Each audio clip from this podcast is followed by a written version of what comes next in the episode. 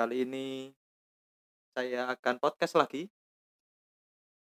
Eh, saya sedikit niat karena hari ini saya mencuri, eh, memalak infrastruktur unfaedah marketing. Sia, nggak punya infrastruktur nggak apa-apa, yang penting punya teman banyak. Eh, tidak lain tidak bukan halah koyok sopoy. Eh, kita dengan Mas Stefan Purba. Halo. Nanti dulu Mas. Nah, sabar, sabar, sabar Mas. Karena mic-nya satu nih Mas. Bukan seperti radio. Kalau radio mic-nya dua ya. Yo, Jadi saya perkenalan dulu. Memperkenalkan dulu versi saya. Jadi awal mula saya berkenalan dengan Mas Stefan itu awalnya dari komunitas jamban blogger kalau nggak salah ya Mas ya. Ah, sama Mas Hena. Nah, Mas Hena kalau seandainya dengerin podcast ini, mari kita podcast ya. Siapa tahu bisa podcast channel gaming plus plus plusnya. Waduh. Yang biasa saya hibahin Mas. Wah. Nah, dari situ terus habis itu saya kenal dengan Mas Stefan. Dianya juga dulunya seorang blogger yang nulis buku. Wah, zaman dulu itu tiga tahun yang lalu blogger nulis buku. Wah itu sudah jadi blogger apa ya blogger ternama lah. Itu Mas Stefan sempat mengeluarkan buku walau cuma satu. Waduh cuman karena satunya itu saya ba- belajar banyak dari Mas Stefannya selanjutnya adalah dari nulis buku akhirnya karena tahu saya anak IT dan bisa bikin website jadi perkenalan kita lanjut sampai di proyekan bareng. Nah, apa proyeknya akan keluar nanti? Eh, akan keluar karena ya seperti podcast biasanya pasti banyak promo di sini. Jadi niatkan saja. Nah, kenapa saya ingin ngobrol banget sama Mas Stefan? Karena karena selain emang podcastnya di sini, waduh, dan temennya, eh, ya, silaturahim di sini.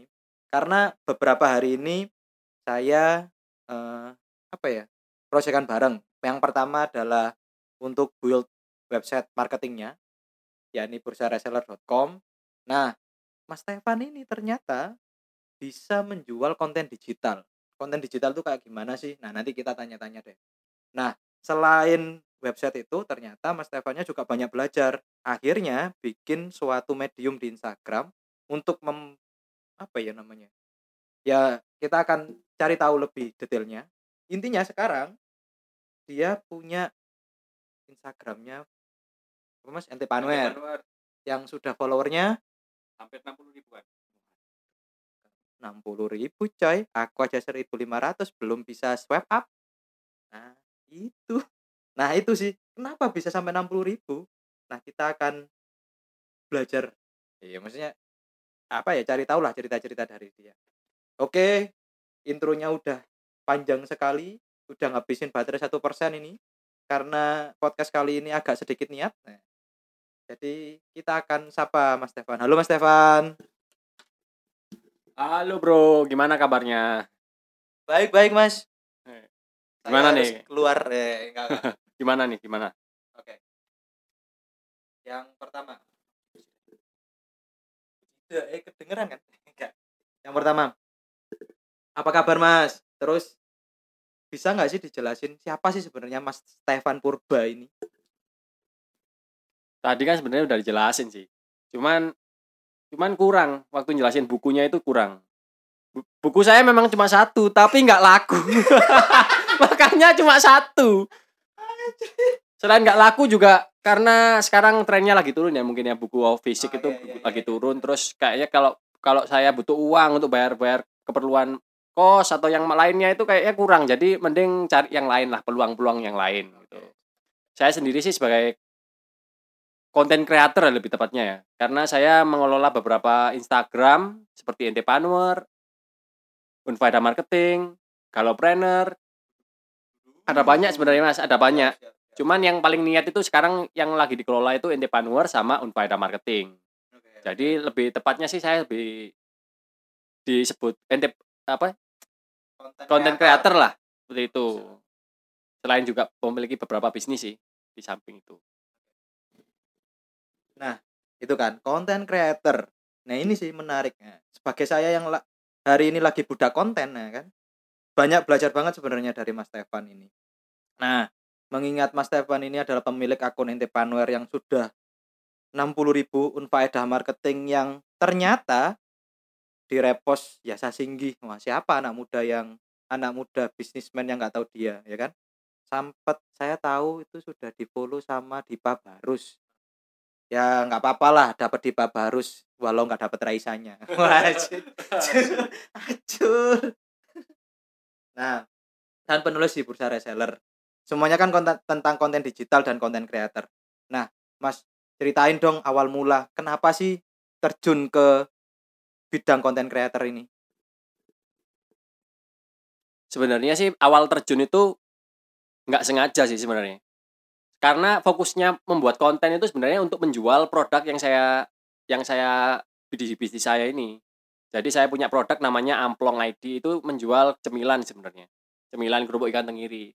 Nah saya mikir kalau saya jualnya dengan cara biasa otomatis saya akan mendapatkan hal-hal yang biasa penjualan yang biasa dan lain-lain makanya saya harus menjualnya dengan cara yang kreatif sekreatif mungkin makanya saya membuat beberapa akun yang tujuan utamanya sebenarnya bukan untuk sebagai media atau sebagai tujuan untuk sebagai konten kreator, tetapi sebagai untuk gimana sih caranya agar produk ini bisa laris dengan dengan cara yang tidak biasa gitu. Biar ya biar biar apa?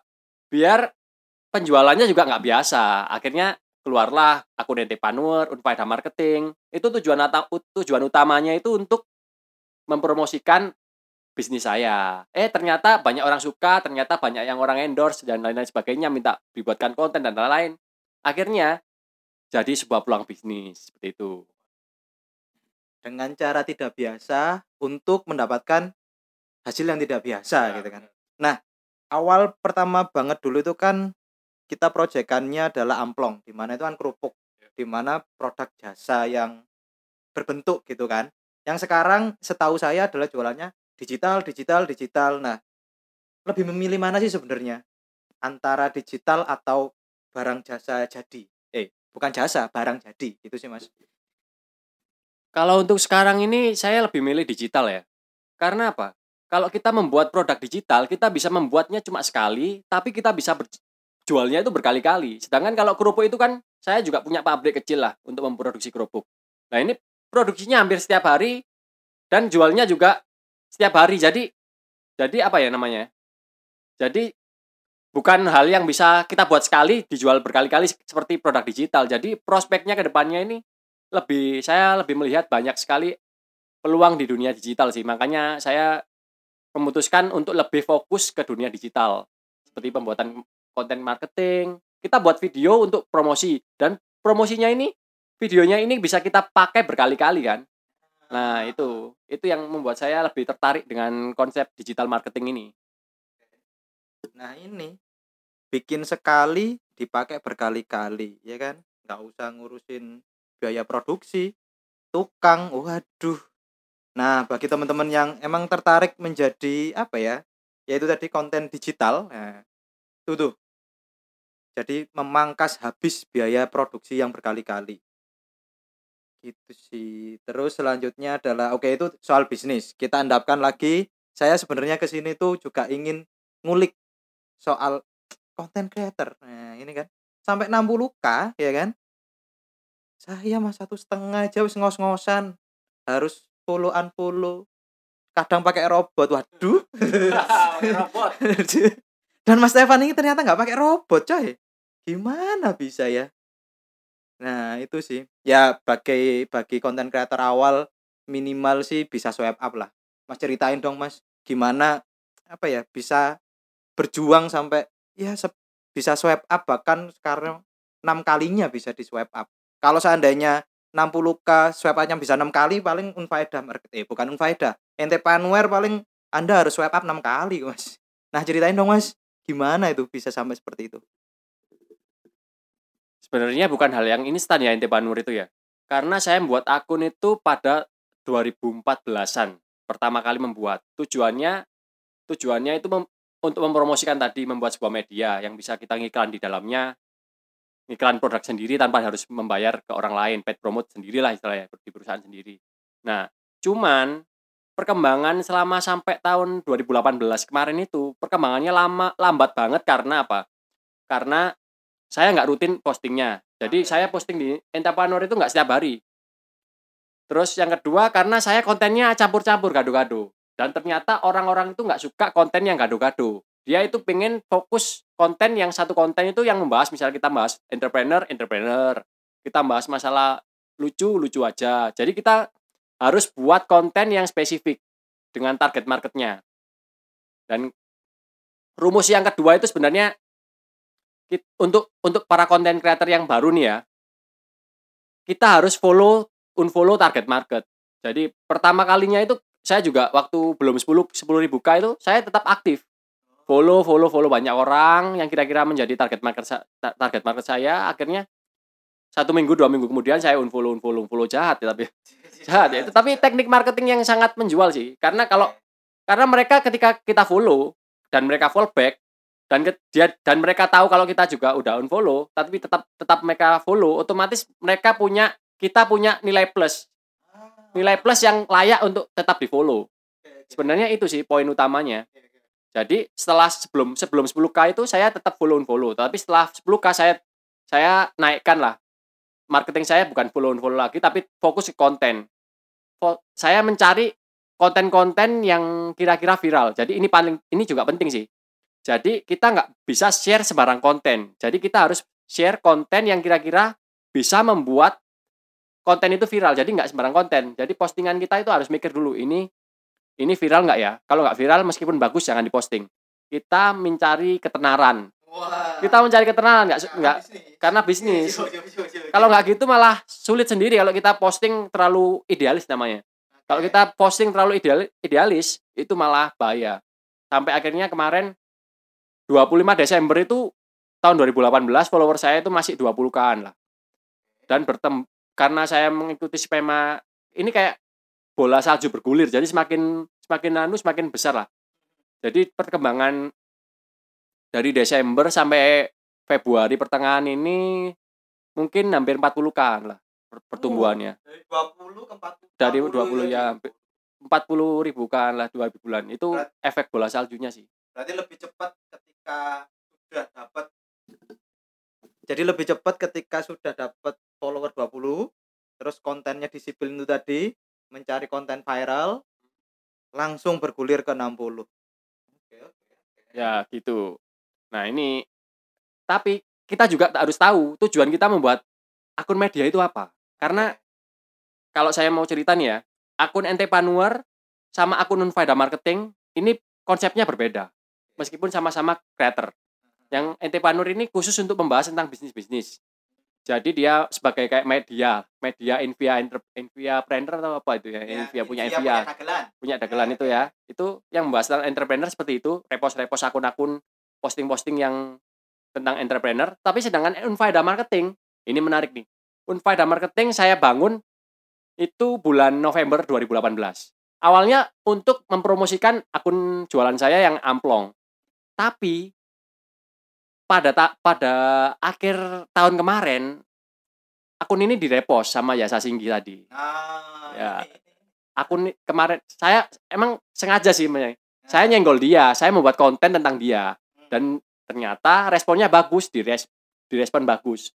Sejak itu akun saya meningkat meningkat sih. Meningkat pesat sampai akhirnya banyak endorsan endorsan yang masuk. Nah herannya gini kalau akun Fada Marketing sekarang kan followernya masih 6000 berapa gitu loh Ah. 6 ribuan lah. Ah, Ente Panur ini followernya udah 60 kan perbedaannya kan jauh. Jauh banget. Tapi dari segi pendapatan saya mendapatkan pendapatan yang banyak banget dari Unfaida Marketing justru. Itu menariknya. Jadi poin utamanya itu harus tahu apa yang harus dilakukan pada akun itu. Oke. Ya, kalau setahu saya itu saya terinspirasi dari dari Corbuzier kenapa dia bikin konten satunya adalah konten umum karena dia ingin mencari follower, satunya dia bikin konten niche banget karena emang di situ jualannya dia motivasi, motif dan segala macam itu sih mas. Jadi ya ternyata sama rumusnya. Ada satu akun yang buat mencari follower ya kan untuk mencari follower nah satu akun yang untuk jualan gitu ya Iya, mas ya nah dengan dengan ini aku kepingin lebih dalam lagi sih. Dengan adanya banyaknya follower ya kan ada 60 sama 6k apa sih imbas di apa ya sisi bisnis atau enggak sisi pundi-pundi anda itu apa sih mas? Ada nggak sih dengan punya media sebesar itu gitu? Sebenarnya sangat ngaruh ya karena kalau ada orang yang bilang follower tuh nggak ngaruh yang penting ngaruh itu bullshit bullshit. Follower itu memang ngaruh. Tapi follower yang tertarget itu lebih jauh ngaruh daripada follower banyak. Perbandingannya aja 60k sampai 6k tapi pendapatan saya lebih besar dari 6k nya kenapa? Karena follower saya yang mengikuti 6k ini lebih tertarget.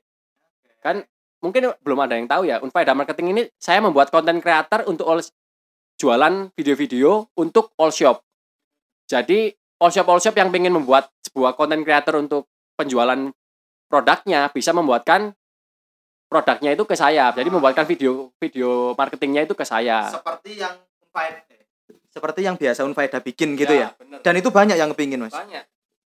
Banyak. Jadi ternyata video yang saya bikin itu ternyata diminati banyak all shop. Lah potensinya all shop itu kan besar sekali di Indonesia sekarang ini. Pertumbuhannya sangat kencang sekali. Nah, ini yang saya manfaatkan. Dan entrepreneur itu untuk menambah follower, untuk menambahkan traffic. Jadi saya sering saya sering mempromot mempro, mempromot Unfaida marketing di entrepreneur. Jadi simbolis mutualisme. Jadi sama-sama dibutuhkan sih. ya, siapa tahu ternyata di eh, apa di Entrepreneur ada apa namanya follower yang tertarget Tertarik, dengan. Unfaida ya sama seperti saya podcast ini kan saya kan minta bantuan banget ya siapa tahu followernya Mas Stefan ada ternyata eh, yang yang suka dengan konten saya. Nah, selanjutnya itu adalah itu kan tadi kan ngatur dan segala macam. Nah, ini sih sebenarnya eh, karena ini masih 17 menit ternyata di skripnya. Jadi kita luar skrip lah Mas ya. Ngalor ngidul lah. Jadi tapi tetap dengan sesuai dengan apa? Sesuai dengan ini yang ingin saya tanyakan. Jadi tadi itu ternyata kan ngaruh banget. Ternyata media besar. Ah, kemarin saya sedikit eh, lihat juga video nyata di reposannya Intipanuer soal kalau bisnis kita mau besar ya kita harus punya media besar. Apakah seperti itu awal mula eh, Mas Stefan mikir gitu sih? Iya sih. Kalau kalau memang pu- punya bisnis besar itu harus yang pertama kita harus branding sih sebenarnya. Yang Ata lakukan saya saya sebenarnya bukan Edim, tapi belakangan ini saya lihat videonya Ata karena dia siapa sih ini orang kok kok hits banget kok kok sering nongol di trending gitu loh. Akhirnya saya lihat, saya sebenarnya males. Cuman yang saya poin utama yang saya jadikan panutan itu dia itu pinter banget branding dirinya sampai 11.000 k meskipun kalau saya saya lihat konten-kontennya itu sebenarnya bukan konten yang saya suka, bukan yang banyak orang yang seperti orang-orang pebisnis suka. Cuman dia itu konsistennya itu loh, konsisten untuk membangun brandingnya itu yang di, yang dibentuk. Nah, ini ini yang paling susah. Jadi ketika kita membangun sebuah media, kita harus juga membangun branding di dalamnya. Seperti dagelan nih contohnya. Siapa sih nggak tahu dagelan? Dia tuh pinter banget membangun brandingnya. Jadi kita harus tirulah. Tiru orang-orang yang pinter-pinter membangun branding itu kita terapkan di dalam akun media kita. Jadi seperti itu sih. Jadi sekarang kan saya kemarin ada orang nih yang nggak ngenalin muka saya, tapi ngenalin suara saya. Nah, ini orang-orang follower Unfaeda pasti tahu suara ini. Lah, orang-orang orang-orang kan otoma- ka- kalau saya membuatkan konten untuk iklan untuk all shop, otomatis all shopnya itu kan mengiklankan di tempat-tempat lain di Instagram Ads, Facebook Ads atau di konten-konten paid promote lainnya. Lah orang-orang ini ngetek saya. Ini suaranya Unfaida Marketing ya. Ini udah padahal mereka itu nggak nggak kenal saya, nggak nggak nggak tahu muka saya, tapi mereka kenal suara saya itu loh. Jadi suara saya bisa jadi branding ternyata. Nah, ini saya sedang podcast mungkin ya kan. Bisa aja, bisa aja. Iya kan? Mungkin podcast ini ya karena sebenarnya kenapa podcast males ngedit videonya Mas. Iya. Kalau podcast tinggal masukin depan belakang selesai. Oke, itu tadi sih. Nah, tapi menariknya adalah yang follow Unfaeda ini yang followernya 6k itu menghasilkan sampai sekarang ya sama lah kayak Maele yang sekarang ya yang maksudnya kontennya kan sekarang kebanyakan sudah iklan-iklan semua kan Mas ya. Nah, yang paling ya ini menariknya adalah yang kepingin gimana caranya Mas Stefan untuk menggali kreativitas. Nah, ini. Nah itu. Sebelumnya kalau kalau kalian belum tahu Unfaida Marketing, cepet lihat Unfaida Marketing sekarang di Instagram terus klik jangan lupa klik follow ya, like banyak-banyak. Nanti saya kasih linknya di bawah. Siap, siap. Ya. Jadi biar tahu apa yang kita bicarakan ini loh, biar Ya, nggak ya. biar nggak biar nggak keluar ke mana-mana. Jadi jadi saya membuatkan konten iklan itu malah eranya gini. Saya sebenarnya juga salah satu terinspirasinya dari Maeli sebenarnya. Oh, iya oke oke. Jadi gini, Maele itu setiap posting itu menarik, tapi di balik semua itu ada iklan di balik di Jualan. belakangnya, jualan. Jadi jualan, jadi iklannya itu trending tapi jualan. Nah ini kadang-kadang bikin orang males kan. Ini kok jualan-jualan tapi nggak bisa dipungkiri meskipun jualan tapi kontennya itu bagus. Yap. Nah saya bikin buat sebuah media yang membuat sebuah konten seperti itu jelas terang-terangan. Kalau Maele kan dia Ah. membranding sebuah preman terkuat di bumi. Nah, Kalau Unfaida Marketing memang untuk all shop. Jadi Ah. kalau orang yang follow Unfaida Unfaida Marketing pasti dia tahu, dia sadar kalau kontennya itu tentang iklan. nah. Tapi kok masih di-follow? Lah itu loh. Berarti mereka kan sadar kalau konten-konten yang saya buat itu eh, memang untuk iklan, tapi tetap di-follow. Nah, untuk mem- membuat kreativitasnya itu sendiri sebenarnya saya sebelum saya ceritain ceritain ya prosesnya membuat sebuah konten di Unfaida Marketing ya. Jadi ketika kayak saya mau mengiklankan sebuah produk namanya produk saya sendiri amplong itu ya. Saya harus tahu positif negatifnya produk ini apa, keunggulan produknya apa, terus saingannya gimana, terus ke, terus apa lagi? Banyak detailnya itu harus saya tahu. Terus habis itu saya membuat draft. Nah, draftnya ini yang menurut saya paling sulit sih. Yang paling sulit draftnya ini karena kadang-kadang kita harus memikirkan ide-ide yang out of, out of the box gitu loh. Jadi kita kadang-kadang kalau saya dapat endorse produk-produk yang kemarin saya dapat endorse ini produk herbal tentang kewanitaan tentang kewanitaan dan dia itu nggak mau ada kata-kata kewanitaan muncul. Lah itu saya bingung membahas sebuah, sebuah kewanitaan yang tabu menurut saya, tapi kata-kata kewanitaan itu tidak boleh muncul. Lah ini saya mikirnya itu sampai dua jam tiga jam membuat konten. Satu konten video satu menit itu biasanya saya bisa bisa buat 2 sampai tiga jam. Setelah konten dibuat, saya take rekaman, saya take kira-kira bisa sampai 5 saya karena saya orang yang termasuk agak perfeksionis ya. Kalau saya suara saya agak sumbang itu saya ulangi terus karena karena ini hubungannya sama quality control. Jadi saya terus-terusan menjaga itu agar Tapi kan Mas ini podcast kan banyak sumbangnya, nggak masalah Mas di di share nanti. apa-apa ini kan bukan channel saya. Jadi gitu kak saya take habis saya take saya saya akhirnya dulu saya ngedit sendiri videonya tapi berhubung karena saya banyak kegiatan ngurusi yang banyak lainnya saya kan saya sekarang saya ambil editor sih sekarang ada dua dua editor yang membantu saya Nah, ini sih. Kemarin kemarin malam Mas Yan, saya juga ngelihat videonya Erik Sukamti di mana dia ngevlog oh bukan Erik Sukamti. Vlognya Ali Susanto dan Erik Sukamti sedang record untuk PW Gaskin. Di mana dia eh, recordnya ternyata nggak di studio, tapi di kantornya kantor tatunya Ali Susanto. Kenapa record di sana? Karena dia ya maksudnya gini, ingin menciptakan konten yang out of the box ya caranya adalah keluar dari of out ya boxnya. Karena menurut Eri Sukamtinya tadi itu kalau di studio terus itu adalah box. Nah jadi akhirnya keluar. Nah apakah Mas Stefan itu masih tetap bikinnya di kantor atau gimana gimana gimana gimana gimana? Untuk saat ini sebenarnya saya rutinitasnya itu nulis konten itu utamanya di kantor sih sebenarnya. Bukan kantor sih sebenarnya kamar oh iya kamar yang diubah menjadi kantor itu. Tapi kalau kalau saya sendiri kalau udah masalah nulis konten udah bumpet banget itu saya biasanya ke kafe sih. Nulis di kafe kafe kafe gitu. Supaya biasanya butuh penjernihan lah otak ini. Biar nggak bener kata Erik itu kalau kita di suatu ruangan yang tertutup itu pikiran kita itu nggak bisa nggak bisa lebih liar lagi. Mungkin bisa cuma sekali dua kali. Tapi kalau terus terusan itu kita harus punya lah harus harus punya lah pencairan suasana biar nanti enak lah nanti. Kontennya lancar. Waduh, itu kan. Ternyata di luar skrip kita mendapatkan banyak sekali insight. Nah, ini karena sudah 25 menit karena standarnya sih biasanya setengah jam ya kan. Nah, mungkin ada mungkin yang mau diceritain lagi Mas Stefan kira-kira. Atau gini deh kita promo sekalian ya kan?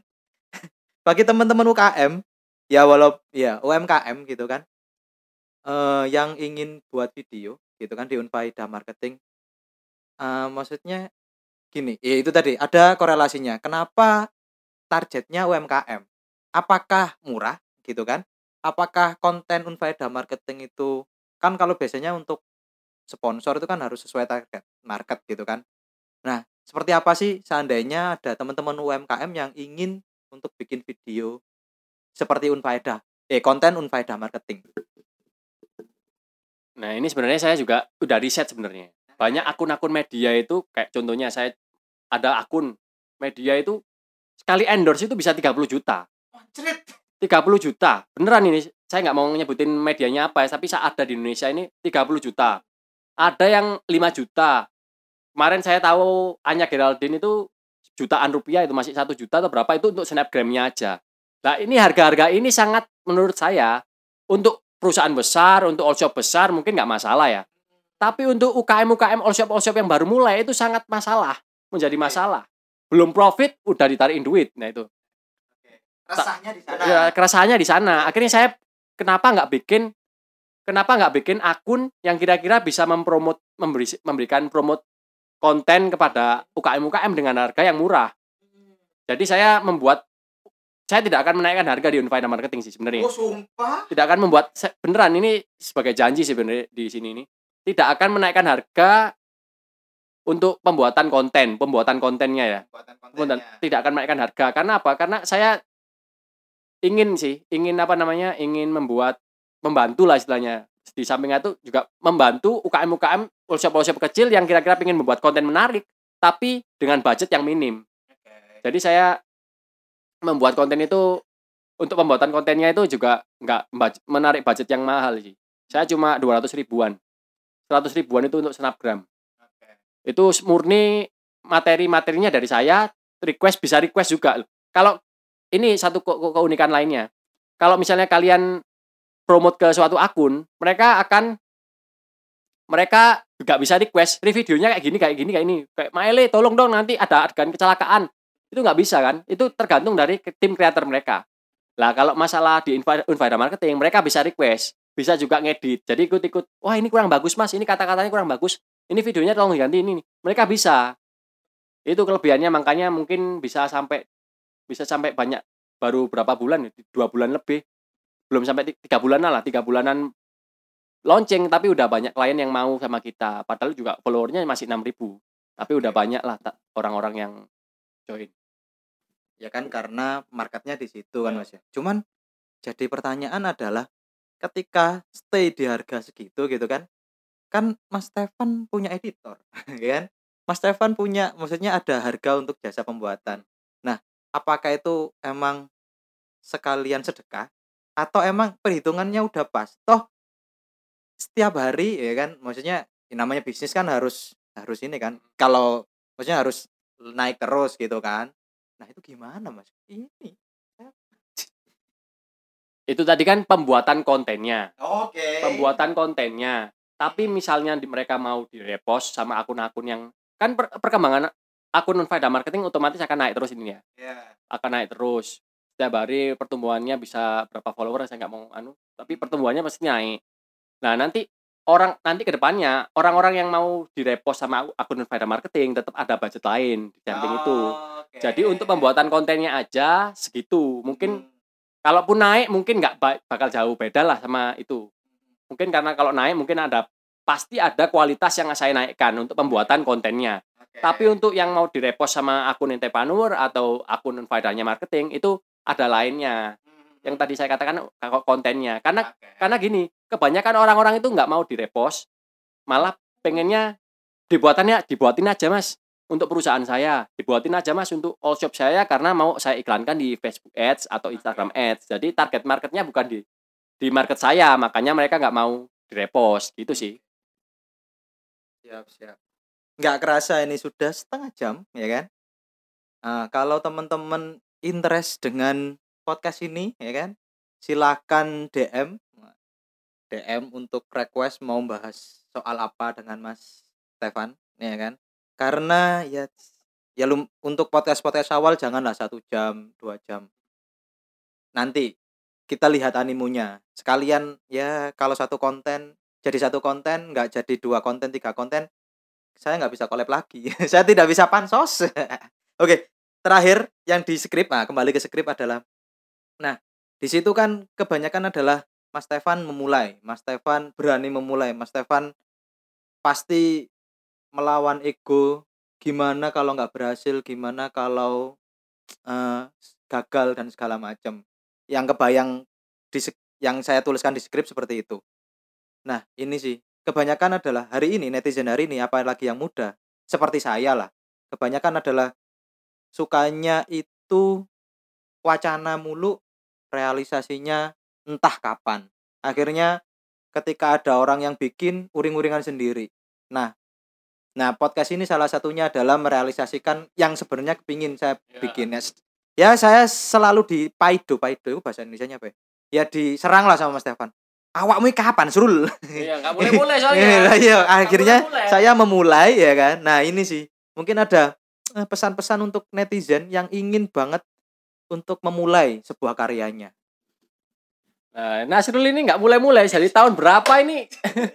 itu sudah saya bikin, ayo bikin kreat kreat sebuah sebuah sesuatu, dua karya, tapi nggak mulai-mulai. Akhirnya ini baru mulai sekarang ini saya sebenarnya salut sih sebenarnya. Terima kasih Mas Stefan, akhirnya saya memulai. Nah, sarannya sih nggak banyak-banyak sebenarnya. Segera mulai. Itu sih poin utamanya. Kita nggak tahu, jangan harapkan kita ketika mulai langsung wow langsung lah di artis, langsung banyak orang yang banyak orang yang follow. Itu nggak jangan. Kita memulainya harus step by step, step by step. Kalau Instagram saya, kalau menurut Instagram saya Ente Panwar, pertama itu pertama posting 20 like, 30 like, sampai akhirnya sekarang udah ribuan like itu prosesnya itu lama, nggak langsung ribuan. Kalau orang itu harus belajar lah, belajar dulu lah. Jadi jangan harap ketika kita mulai langsung hasilnya kelihatan.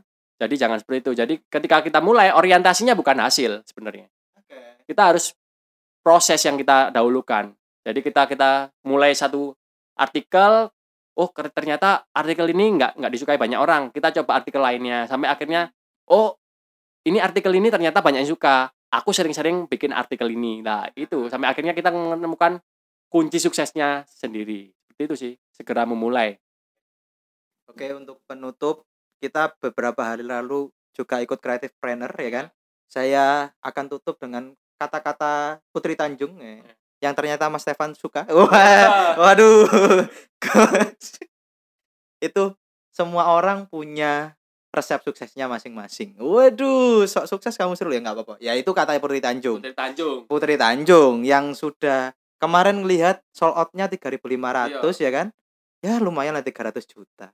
Sekali Sek- sekali seminar. seminar di Malang 150 ribu tidak dapat snack full 3.500 Dapat sponsor. waduh. Tiket.com astagfirullahaladzim. Ya itulah. Itu kalau dilihat tuh buah dari kerja keras. Jadi teman-teman silahkan bekerja keras. Semoga podcast kali ini banyak memberi insight. Semua akun tentang Mas Stefan nanti saya kasih di deskripsi. Teman-teman bisa akses langsung klik langsung. Terima kasih Mas Stefan. Sama-sama.